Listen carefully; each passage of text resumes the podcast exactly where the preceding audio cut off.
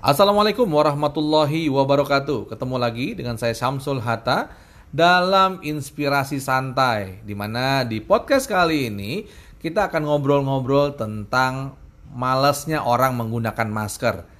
Teman-teman sekalian, ini adalah podcast perdana saya di channel ini dan kenapa di podcast perdana ini saya ingin membahas tentang malasnya orang menggunakan masker? Karena memang masker itu nggak enak ketika dipakai teman-teman sekalian. Ya apalagi dalam jangka waktu lama. Tapi tahukah kita saat kita memakai masker sebenarnya di kondisi saat ini kita bukan hanya melindungi diri kita. Tapi kita juga melindungi orang lain dari tertularnya uh, kita maupun orang lain dari COVID-19.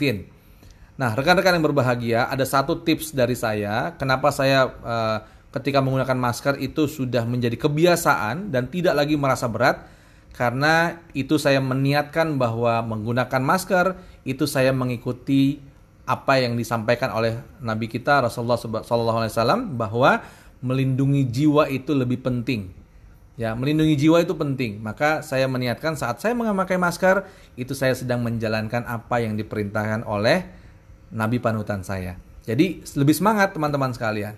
Oke, itu aja sharing saya di hari ini. Terima kasih. Assalamualaikum warahmatullahi wabarakatuh.